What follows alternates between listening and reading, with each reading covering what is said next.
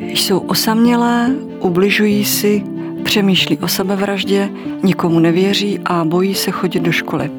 Mluvím tady o dětech, které čelí psychické nepohodě, násilí, šikaně, nešťastné lásce nebo mají odlišnou sexuální orientaci. Žijí ve strachu a trápí je úzkosti. Schovávají se, sebe poškozují a myslí na smrt. Komu se v takové chvíli svěřit, co děti trápí nejvíce a kde hledat účinnou pomoc a bezpečí, Nejen na tyto otázky mi bude dnes odpovídat krizová interventka Hana Petráková, která na lince bezpečí pracuje již 22 let. Je vedoucí e-mailové poradny a zkušenosti, jak komunikovat a pomáhat dětem, získala i z Diagnostického ústavu pro děti a střediska výchovné péče. Pořadu o životě zblízka si s hosty povídáme o tématech, která hladí, ale i trápí naše duši. To je můj pořad o životě zblízka každý pátek na www.denik.cz. Vítám vás, Hanko, dobrý den. Dobrý den. Hanko, já jsem vám vlastně kvůli tomu i volala, protože jsem potřebovala vědět, jestli i u vás můžu začít nějakou osobní otázku a dělám to vlastně u každého svého hosta. A zeptám se i vás, potřebovala jste, když jste byla dítě, něco jako linku bezpečí, najít někoho, komu se můžete s něčím svěřit, co vás třeba trápí? Já si myslím, že kdyby tenkrát linka bezpečí eh, existovala, že bych ji využila. A si, že jo. Řeknete nám, prozradíte nám, co vás trápilo jako dítě? Já jsem jako dítě chodila s velkým strachem do školy eh, kvůli známkám, ne, že by byly až tak hrozný, ale eh, já jsem se cítila, že jako hodně selhávám, pokud to nebylo eh, úplně nejlepší, takže když se objevila nějaká trojka, tak já jsem opravdu chodila do té školy s velkým strachem, jestli nějakou další nepřinesu. Možná s tím souvisely i nějak reakce doma, které následovaly za tu trojku, takže uh, jsem měla prostě velké obavy, uh, jestli nějakou další konkrétně z matematiky, která mi dělala velký problémy, nepřinesu. A myslím si, že kdybych tenkrát mohla mluvit s někým jiným dospělým, než byli rodiče, kdo by mě možná dokázal trochu uklidnit, že se dá žít celkem hezký život i s trojkou z matematiky, tak že by mi to pomohlo. Cítíte, že to na vás nechalo nějakou stopu? No, myslím si, že jako uh, takový nějaký osobní tlak na výkon a na to, aby uh, bylo všechno perfektní a uh, abych jako neselhala, tak uh, že to si v sobě nesu a nějak se s tím učím žít a pracovat, aby mě to v životě úplně nesemlelo. S čím se na vás v poslední době děti nejvíce obrací na lince bezpečí? Proč volají?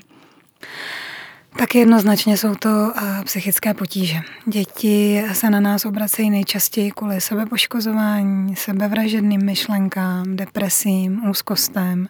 Nám tohle téma dlouhodobě narůstá.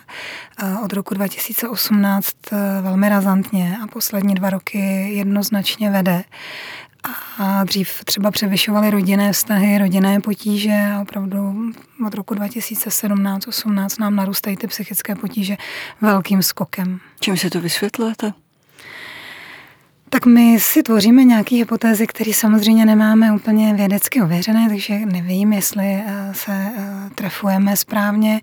Určitě si myslím, že velký propad v psychickém stavu dětí eh, znamenal covid, lockdowny, kdy byly děti zavřené, přerušil se jim sociální kontakt, chození do školy na kroužky, takový ten běžný normální život. Rodiny zaznamenaly velký ekonomický problémy, celkově bylo napětí, všichni byli zavřený doma, nežil se vlastně ten normální obvyklý život. Takže tam si myslím, že určitě byl um, jako velký zdroj psychické nepohody dětí. A pak děti um, Současné děti jsou jako mnohem křehčí, eh, mnohem víc se klade důraz na eh, vlastně psychickou pohodu, takže se víc s dětmi eh, situace řeší, víc mají rodiče tendenci je ochraňovat, jsou míň vystavený stresujícím momentům v životě, takže pak, když se s nimi setkají, tak vlastně si s nimi neumí úplně běžně poradit a je na ně taky zároveň obrovský tlak na výkon, eh, srovnávání. Určitě velkou roli v tom hrají sociální sítě, kde děti eh, se srovnávají navzájem, eh, sledují na různých profilech jenom ten dokonalý báječný život, kdy pak mají pocit, že když zrovna dokonalý a báječný není, tak přesně oni selhávají nebo žijí nějaký špatný život. Takže tohle všechno v tom asi může hrát roli. Když eh, zavolám na linku bezpečí, kdo je na druhé straně sluchátka, když se dovolám? Tak jsou tam uh, profesionálové. My na Lince bezpečí pracujeme uh, s profesionály vyškolenými. Někde ve světě linky důvěry pracují i s dobrovolníky, u nás ne. U nás jsou to všichni odborníci. Většinou jsou to vysokoškoláci, kteří buď studují nebo už mají vystudovanou psychologii, pedagogiku, sociální práci a podobné obory. Pokud ne, tak si uh, musí dodělat kurz pracovníka v sociálních službách, protože naše služba podléhá zákonu o sociálních službách, takže musíme respektovat vlastně požadavky, které eh, na ty zaměstnance tento zákon klade.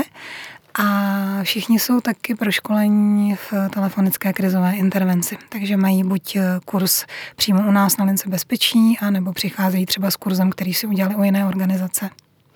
Vy na lince bezpečí pracujete 22 let, jak jsem říkala už v úvodu. Mm. Vzpomenete si, který hovor pro vás byl nejtěžší? Hmm.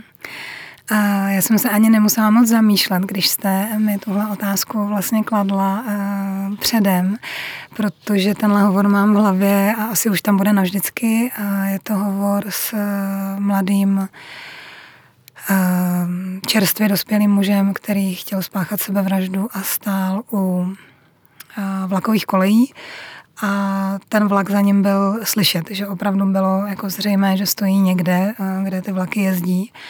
A já jsem se s ním snažila pracovat na tom, aby jsem ten jeho stav nějak stabilizovala a samozřejmě k té sebevraždě nedošlo, ale ten hovor byl vlastně velmi krátký, přesto ve mně zůstal, protože se velmi brzo přerušil a ve chvíli, kdy byl slyšet právě ten projíždějící vlak. Já mám úplně husí kůži. Tak vlastně nevím, co se stalo. Uh, jestli tu sebevraždu dokonal, nebo, nebo se mu vybila baterka, nebo uh, už dál nechtěl mluvit, vlastně nevím, uh, už se znovu neozval a uh, já jsem vůbec nevěděla samozřejmě, kde je, odkud volá. Ten hovor byl opravdu velmi krátký, že se v tom vlastně nedalo moc upracovat, což pro mě na jednu stranu byla trošku útěcha, že za to tak úplně nemůžu, na druhou stranu samozřejmě zároveň frustrace, že se nedalo udělat víc. Neměla jste tendenci pátrat někde v nějakých médiích, jestli se náhodou nezveřejní nějaký článek o tom, že dneska nějaký hmm. muž spáchal sebevraždu tím, že se vlastně nechal přejet vlakem? No určitě měla, ale naštěstí se mi povedlo si to zakázat. Samozřejmě nějaký nápad tam jako byl, že uh, si koupím blesk nebo nějaký podobný uh, noviny a budu hledat informace, ale naštěstí se mi teda povedlo si to zakázat a nepátrala jsem, takže, takže nevím takovýhle stav, vlastně když jste říkala, že on mohl zavěsit, mohlo se stát samozřejmě cokoliv, mm, mohla dojít mm. materka. Co to pro vás znamená, jakoby, nebo je to pro vás, si předpokládám, psychicky velmi náročné, jak se v takové chvíli jakoby opravdu člověk nebo ten intervent, který je na druhé straně, cítí, když uh, vezmeme si toho globálu, že takovým člověkem nebo někdo vám takhle volá a třeba v půlce hovoru zavěsí. Vždycky je to náročné, pokud se tam řeší takhle závažné témata. Máme třeba toho člověka strach, kde je na druhém konci, tak pokud se ten hovor nějak přeruší a my nevíme, co s ním je, tak je to vždycky psychicky náročný. My se snažíme na lince bezpečí, aby člověk na takovýhle hovor nebyl sám, aby u sebe měl kolegu, který je mu tam oporou, který mu s tím hovorem je nějak jako k dispozici mu pomoct, když potřebuje. A Vždycky potom také o těch hovorech mluvíme. Vedoucí směny potom pracuje s tím konzultantem v rámci takzvaného debriefingu, což je prostor pro takové jako uzavření té směny nebo toho hovoru, kde vlastně dojde k jako opečování toho konzultanta. Projdou si spolu ten hovor, projdou si spolu, co se v něm stalo, co se mohlo třeba udělat líp, nebo kde naopak už nebyl žádný prostor na to něco změnit. A pak taky konzultanti procházejí velkou spoustou supervizí, supervizních hodin, kde je vlastně přesně místo na to uh, mluvit o těch těžkých věcech, začistit je v sobě, opečovat, ošetřit, tak, aby se dalo uh, příští den zase na tu směnu přijít a pracovat dál. Hanko, dokážete nám říct, kolik hovorů denně na lince bezpečí vybavíte? No, uh, ono je to tam, na lince bezpečí to vlastně funguje tak, že dítě, když se dovolá, tak uh, se dovolá na ústřednu linky bezpečí a spousta těch hovorů končí už tam, kdy děti třeba položí jenom nějakou rychlou, stručnou otázku, na kterou dokážeme odpovědět, uh, kdy třeba chtějí jenom nějakou jednoduchou informaci, nebo si taky někdy dělají třeba legraci z toho čísla, takže si tam vlastně uh, řeknou nějaký vtip, který potřebovali. A potom hovory, kde ty děti něco opravdu potřebují, chtějí mluvit déle, než jenom položit nějakou rychlou otázku, tak eh, ty se přepojují z té ústředny dál na konzultanta, který už s tím dítětem mluví. To už jsou takový ty vážnější případy? Mm, no, nemusí být úplně jako vážnější. Někdy samozřejmě eh, děti potřebují mluvit i o docela jako běžných věcech, eh, jako třeba přesně známky ve škole nebo jak se obavy z přijímaček a tím to vůbec nezlehčuje, protože samozřejmě pro ně v tu chvíli je to uh, náročný eh, okamžik, se kterým potřebují poradit, potřebují pozbudit, tak jenom tím chci říct, že se ne všechno týká zrovna sebevražd nebo sebepoškozování, ale volají děti se vším možným s kamarádstvím, eh, s potížemi na kroužku a my tomu říkáme tematické hovory, to jsou ty, které jsou potom už přepojené na konzultanta, eh, který s dětmi mluví už nějakou delší dobu. A v tom je samozřejmě velký uh, rozdíl. Uh, těch tematických hovorů my na lince denně odbavíme přibližně 45, ale těch všech, uh, které vlastně se, kdy se dovolí ty děti už na tu ústřednu, tak těch je 200, 210 třeba přibližně. To jsou čísla z loňského roku, uvidíme samozřejmě, jak to bude letos. A z toho posledního čísla, kolik je těch opravdu vážných hovorů, kdy jde o život? Hmm, to je uh, hodně různý, protože některý den třeba uh, není téměř žádný nebo jeden, dva a některý den se to sejde, kdy jich je spousta. Uh, já můžu vycházet z toho, kdy sledujeme statistiky samozřejmě, takže hovory o sebevražedných tématech těch bylo třeba v letošním roce od ledna teď do září přes 2000. A k tomu ještě přes 400 kontaktů na chatu a skoro 500 na e-mailu, takže to číslo je potom veliký. Čím si vysvětlujete, že nám stoupá za poslední rok nárůst dětských sebevražd? Hmm. Já si právě myslím, že to souvisí s tím, o čem už jsem mluvila, že uh, ta dětská psychika je v současné době fakt křehká, protože ty děti jsou přetížený, je na ně kladený opravdu velký nárok, uh, v čem vše musí uspět, v čem musí být šikovný. Zároveň eh, ve společnosti je velký tlak na všechny, takže i na rodiče, takže eh, i v těch rodinách funguje eh, napětí, nepohoda. Není vlastně čas. Ty děti jsou většinou přetížený, nemají dostatek jako odpočinku, klidu a jsou potom opravdu, ta psychika je vlastně taková už jako exponovaná na všechno, co se kolem děje a děti to prostě neunáší.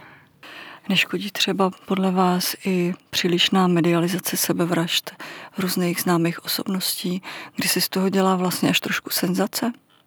Hmm. Tak vždycky, když médii proběhne uh, nějaká informace o uh, sebevraždě, o dokonané sebevraždě, tak uh, potom se zaznamenává nárůst sebevražedných myšlenek.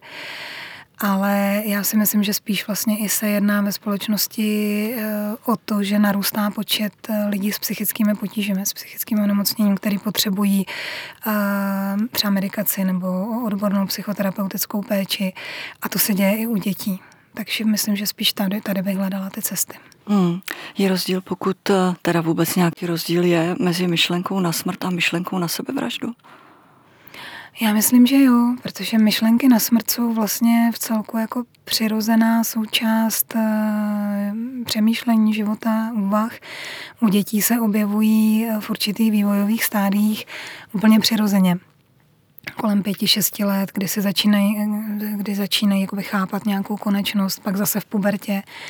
A celkem, mm, myslím, jako v pořádku se zamyslet eh, nad tím, jak může smrt vypadat, jak probíhá, eh, co se děje, co se děje po ní, jaká bude třeba ta moje, eh, nebo přemýšlet třeba i o pohřbu.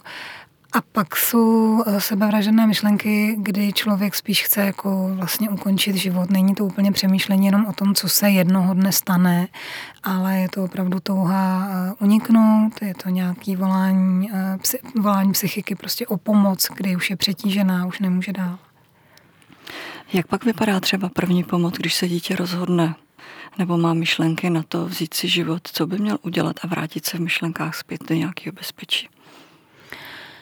Tak záleží asi eh, na tom, jak moc jsou ty myšlenky na sebevraždu eh, silné. Pokud je to opravdu tak, že nejdou odklonit, nejdou zastavit, eh, tak pak je úplně na místě si přivolat pomoc rychlé záchranné služby a nechat se odvést prostě do bezpečí a k odborníkům, kteří dítěti pomůžou.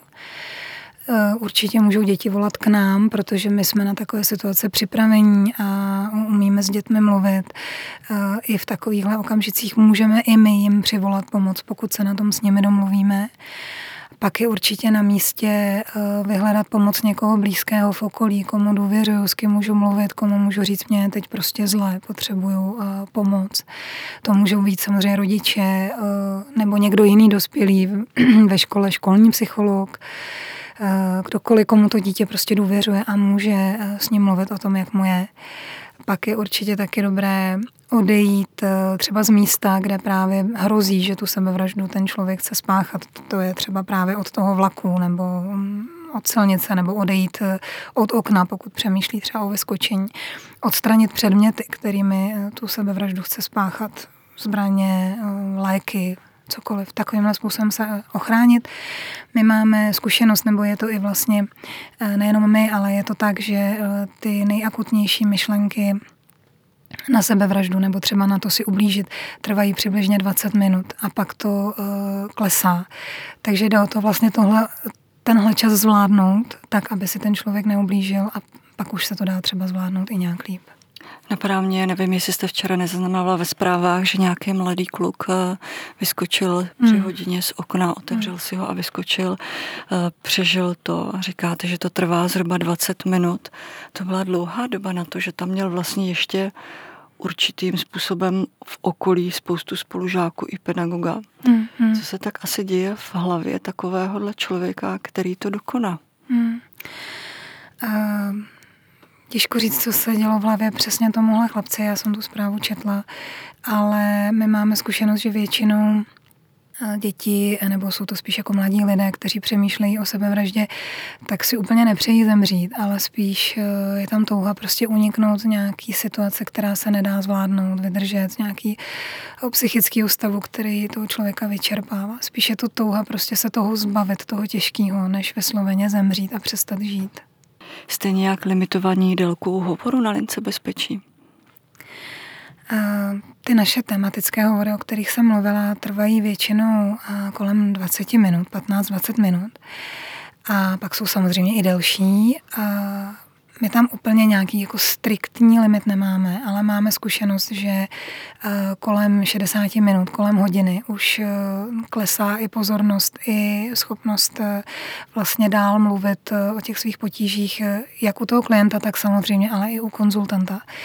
Takže my se snažíme kolem té hodiny ty hovory postupně končit. Pracujeme s tím už samozřejmě předem, neřekneme úderem 60 minut, že teď končíme, ale pracujeme s tím časem v průběhu celého hovoru a snažíme se vlastně kolem té hodiny ty hovory končit tak, aby eh, ten klient o tom věděl, že, že se k tomu konci dostáváme, protože vlastně i pro toho klienta je celkem žádoucí eh, v určitý moment už vlastně přestat o tom mluvit, ale odcházet s nějakou eh, jako podporou a plánem, co může dál teď dělat pro tuhle chvíli, jak zvládnout následující hodiny nebo čas, který potřebuje a vlastně se i trošku jako sklidnit, usadit s tím, co jsme v hovoru probrali a naplánovali.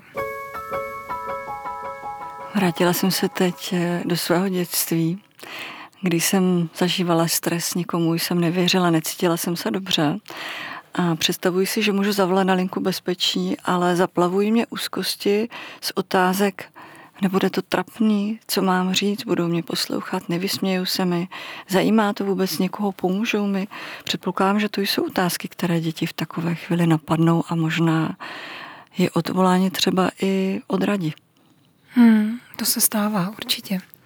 Může se stát, že se dítě tolik stydí nebo pochybuje o tom, že řeší třeba dostatečně závažný problém. Děti nám někdy říkají, mně se vlastně nic moc neděje, vy jste tam určený pro takové jako horší věci, tak to se samozřejmě může stát. Že když už linku, teda když už dítě se rozhodne na tu linku bezpečí mm. zavolat, překoná ten svůj strach a ústut a nějaký úzkosti, může se stát, že je linka obsazená nebo se dovolá vždycky.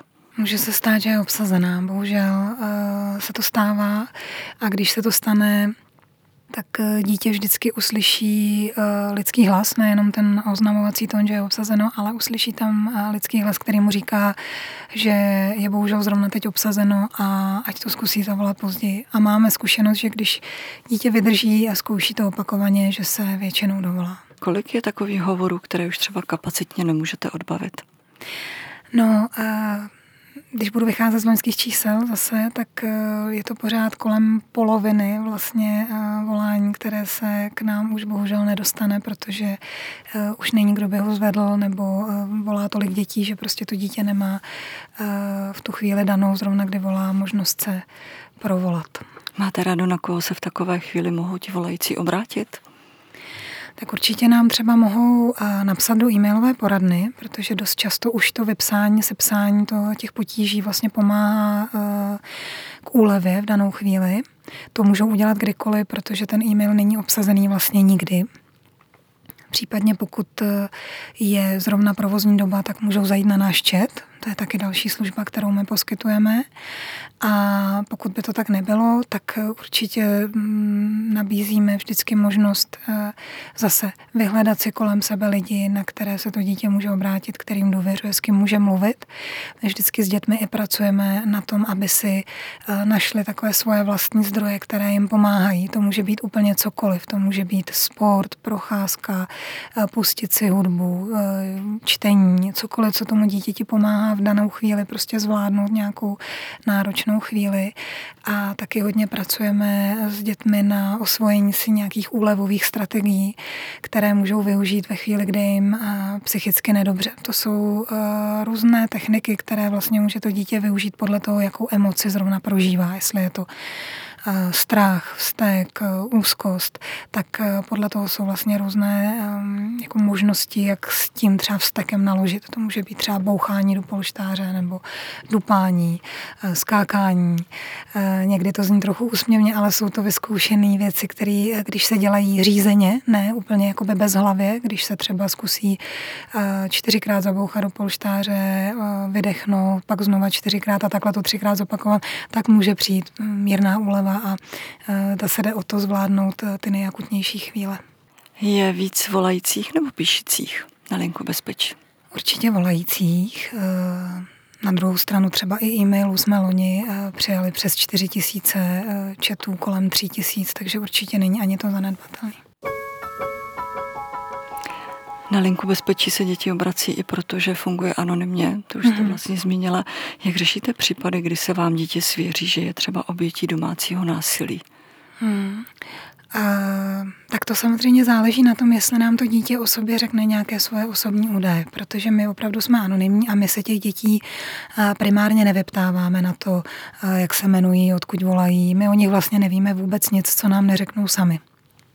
Takže pokud nám volají nebo píší s tím, že jsou oběťmi domácího násilí nebo týrání, zneužívání, zanedbávání, tak k tomu vlastně přistupujeme jako k jakémukoliv jinému tématu. My se snažíme je navést k možnostem pomoci, které mají a až ve chvíli, kdyby jako měli potřebu nám o sobě říct, nebo to chtěli, rozhodli se pro to eh, nějaké osobní údaje, tak jsme samozřejmě schopni jim přivolat pomoc eh, a pak kontaktujeme orgán sociálně právní ochrany dětí, eh, který má tyhle situace na starosti. Platí to tež i v případě sexuálního násilí, jde už přeci o trestný čin? Hmm, určitě, určitě. Je to úplně vlastně stejné. Pokud my máme dítě jako anonymní, což je ve velké většině eh, případů, tak eh, s ním hledáme možnosti, vysvětlujeme mu, eh, kde může tu pomoc najít. Pokud se třeba společně domluvíme na tom, že chce zprostředkovat od nás pomoc, tak pak jsme připraveni mu tu pomoc přivolat. Hledají u vás pomoc i děti, které už si třeba nějak ublížily. Napadá mě třeba předávkování prášky, užití nějaké drogy nebo sebepoškozování.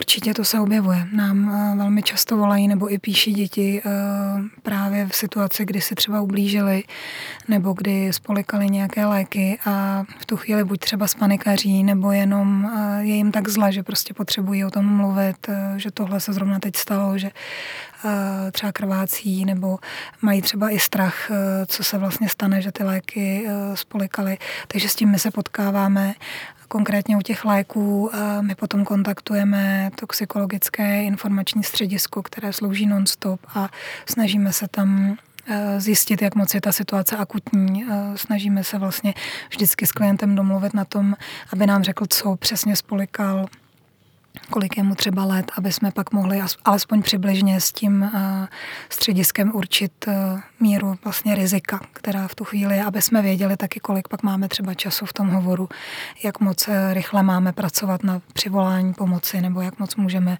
mluvit o tom, co se děje. Vzpomínám si taky na kauzu Brněnského gymnázia, kde učitelka dehonestovala a nerespektovala identitu trans dětí. Hmm. Setkáváte se na lince bezpečí i s touto problematikou, kdy děti po coming outu spadnou do depresí a přemýšlí o sebevraždě? Setkáváme se určitě hodně s tím, že eh, přemýšlí o tom, jak eh, ten coming out udělat, jestli už je na něj čas nebo není. Cítí se v tom hodně ohrožen. A setkáváme se i s tím, že bohužel pak ta reakce toho okolí, když už se ty děti rozhodly uh, vyjít ven se svojí sexuální orientací nebo identitou, tak že nebývá úplně příjemná. A samozřejmě i, i to může vést k myšlenkám na uh, ukončení života nebo k sebepoškozování, jako jakákoliv jiná prostě psychická zátěž, kterou to dítě uh, není schopno unést. Jakou úlohu v tom hrají rodiče?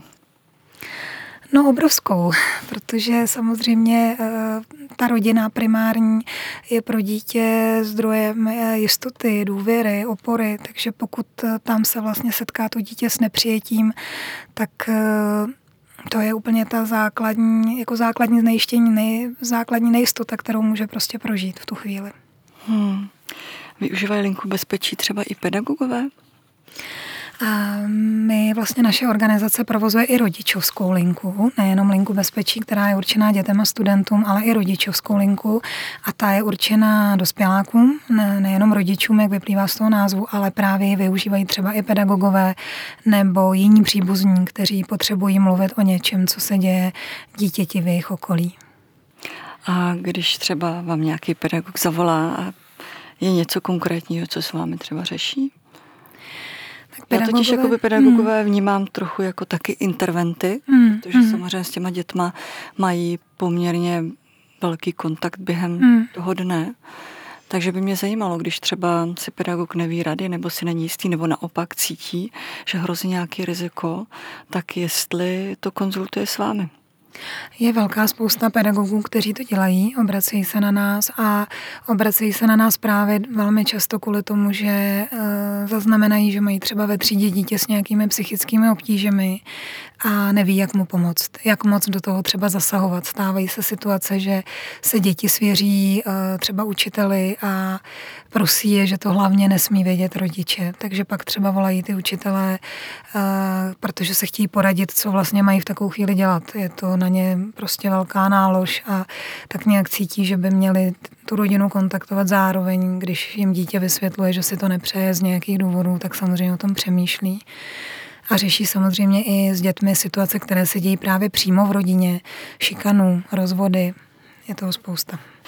Zvýšil se nebo změnil se počet volajících i aktuálně kvůli válce na Ukrajině. O covidu už jsme mluvili, že ten hmm, nárůst hmm. byl vysoký a válka Hmm, on tam nebyl úplně nárůst jako hovorů eh, co do počtu, že bychom jich měli víc, uh-huh. ale uh, spíš byl nárůst těch, uh, toho tématu těch psychických obtíží. Uh-huh. Takže my v souvislosti s těmihle tématy nezaznamenáváme úplně nárůst kontaktů, že by jich přibylo, ale spíš pravděpodobně tyhle ty, všechny věci, které se dějí, přispívají k tomu, že k té psychické nepohodě a potom k nárůstu počtu kontaktů s tímhle tématem si totiž uvědomuji, že na jedné třídní schůzce nějaká maminka řešila, že její syn, oni jsou původem z Ruska, čili šikaně, bojí se chodit do hmm, školy. Mm.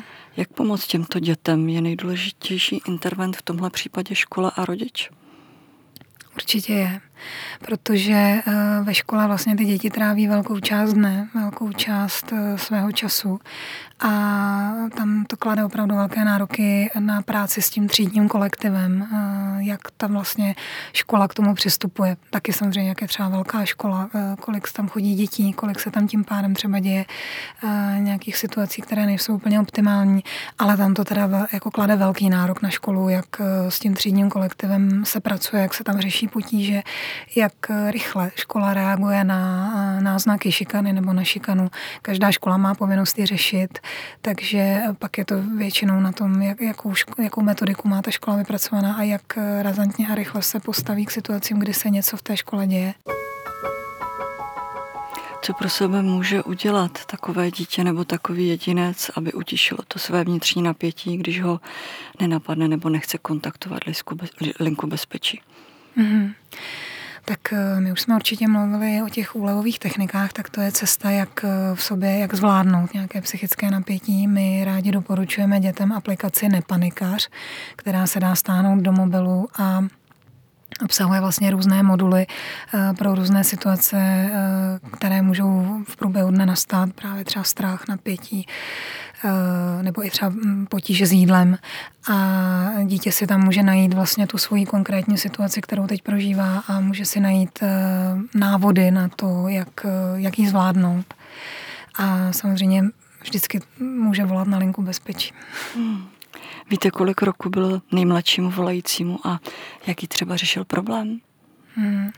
My se úplně na, ty, eh, na ten věk ne vždycky vyptáme, ale co já si třeba pamatuju, tak se na nás obraceli už děti kolem třeba 6-7 let, ale ty hovory bývají velmi náročné, protože ty děti ještě nejsou úplně um, jako by schopný vést ten kontinuální telefonický rozhovor.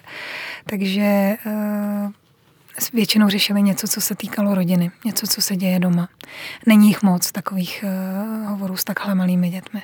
Ještě mi řekněte, Hanko, na závěr, když vám děti volají, jaká je většinou, nebo jakou větu od nich většinou slyšíte jako první? A, tak nejdřív řeknou většinou dobrý den a potom a, to bývá často, já úplně nevím, jak bych to teď řekla, nebo řekl, většinou řekla, protože nám volají víc dívky než chlapci. A často je tam váhání, ale často taky ten hovor začíná pláčem nebo mlčením.